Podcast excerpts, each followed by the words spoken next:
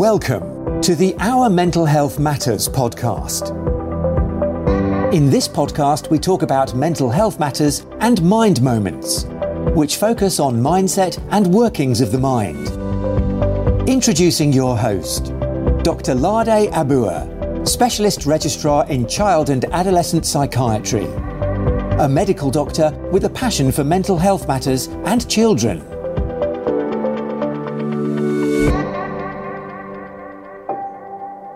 Hi everyone, it's Lada here. Uh, welcome to our Mental Health Matters podcast.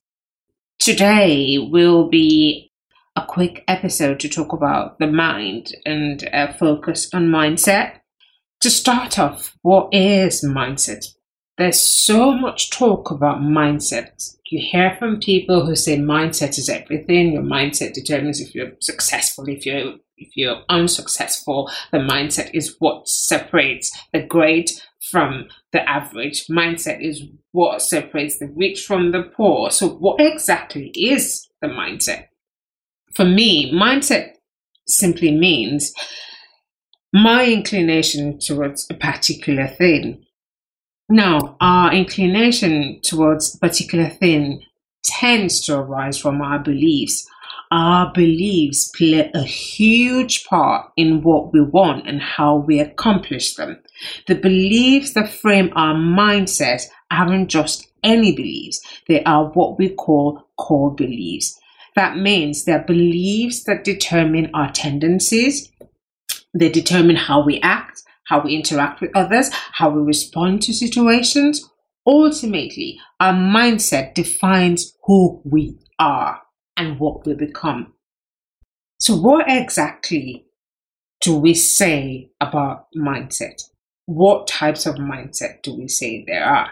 There's an American psychologist who did a lot of work on mindset, and she came, she came up with two particular types of mindset. Uh, both are the fixed mindset and the growth mindset. Now, the, the, the mindset, the fixed mindset, has to do with people who believe that someone's ability is ingrained. They have this belief that being smart, being success, successful is inborn. So the difference between being successful in life, the difference between being rich, the difference between being outstanding is in you right from when you were born. And you can't really make a difference. You can't really make a change to it.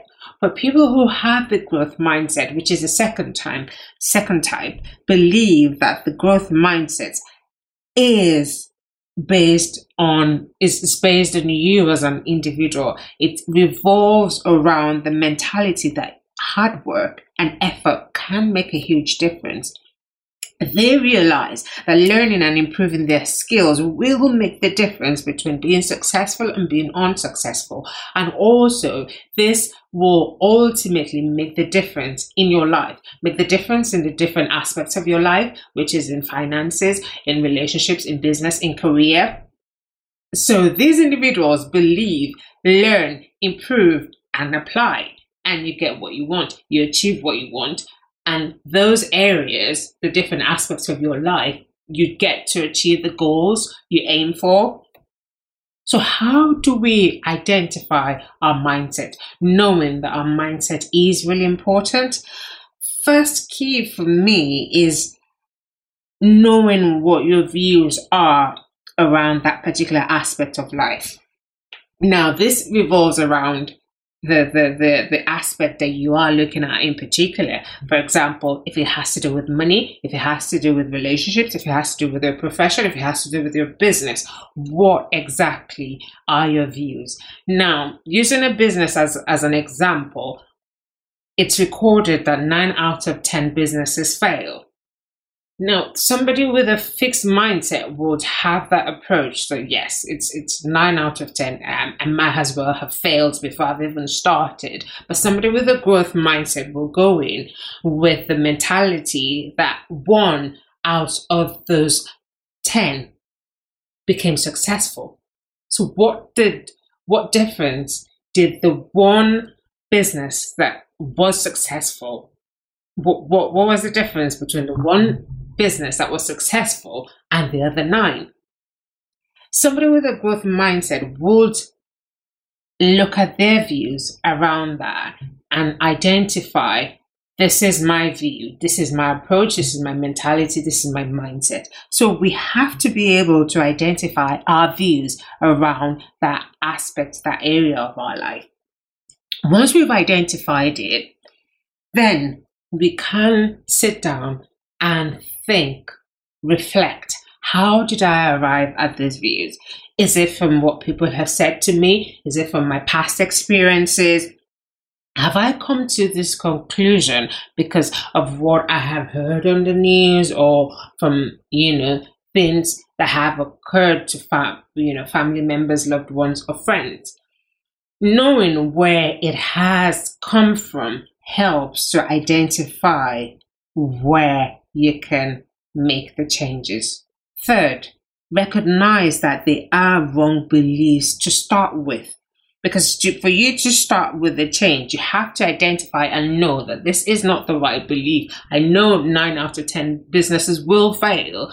And um, I'm already thinking that my business might be one of the nine. So I have identified what my views are. I've mm, recognized how I've arrived at this, probably on the news or probably from a family member's past experiences. And then, thirdly, I've recognized that this is the wrong view, this is the wrong belief, this is the wrong mindset to have about this. And then, finally, take the steps to consciously change the mindset. It is easier said than done because along the way, it will be a long journey of those thoughts and those beliefs coming back at you when you're taking the steps to consciously change them. And the way to consciously change them is to educate ourselves. Go out there, grab the books, grab the materials, grab the the the the, the education that would help to change that mindset. And using business as, as, as, a good example is looking at that one business that was that was successful out of the 10 we have recognized, we have identified what our views are, we have known how we've arrived at them, we have recognized them, and then consciously changing them is to take a look at that one business. This would also apply to every aspect of life. Marriages, for example, yes, 50% of marriages fail, but those other 50% that are successful, how have they become successful? What have those guys do? What have those guys done? And the way to have the growth mindset will be to study the people who have had successful marriages, is to get books, is to go for education on how to do this. Uh, thank you for listening. I hope I have been able to talk uh, and explain briefly on what mindset is all about and how important it is and how we can identify our mindset and start to make some changes. Thank you for listening. Until next time, goodbye. Remember, empower your mind, empower your life. Goodbye. Thanks for listening to the Our Mental Health Matters podcast. You can follow me on Twitter at Omaleda Maka. Until next time, empower your mind, empower your life.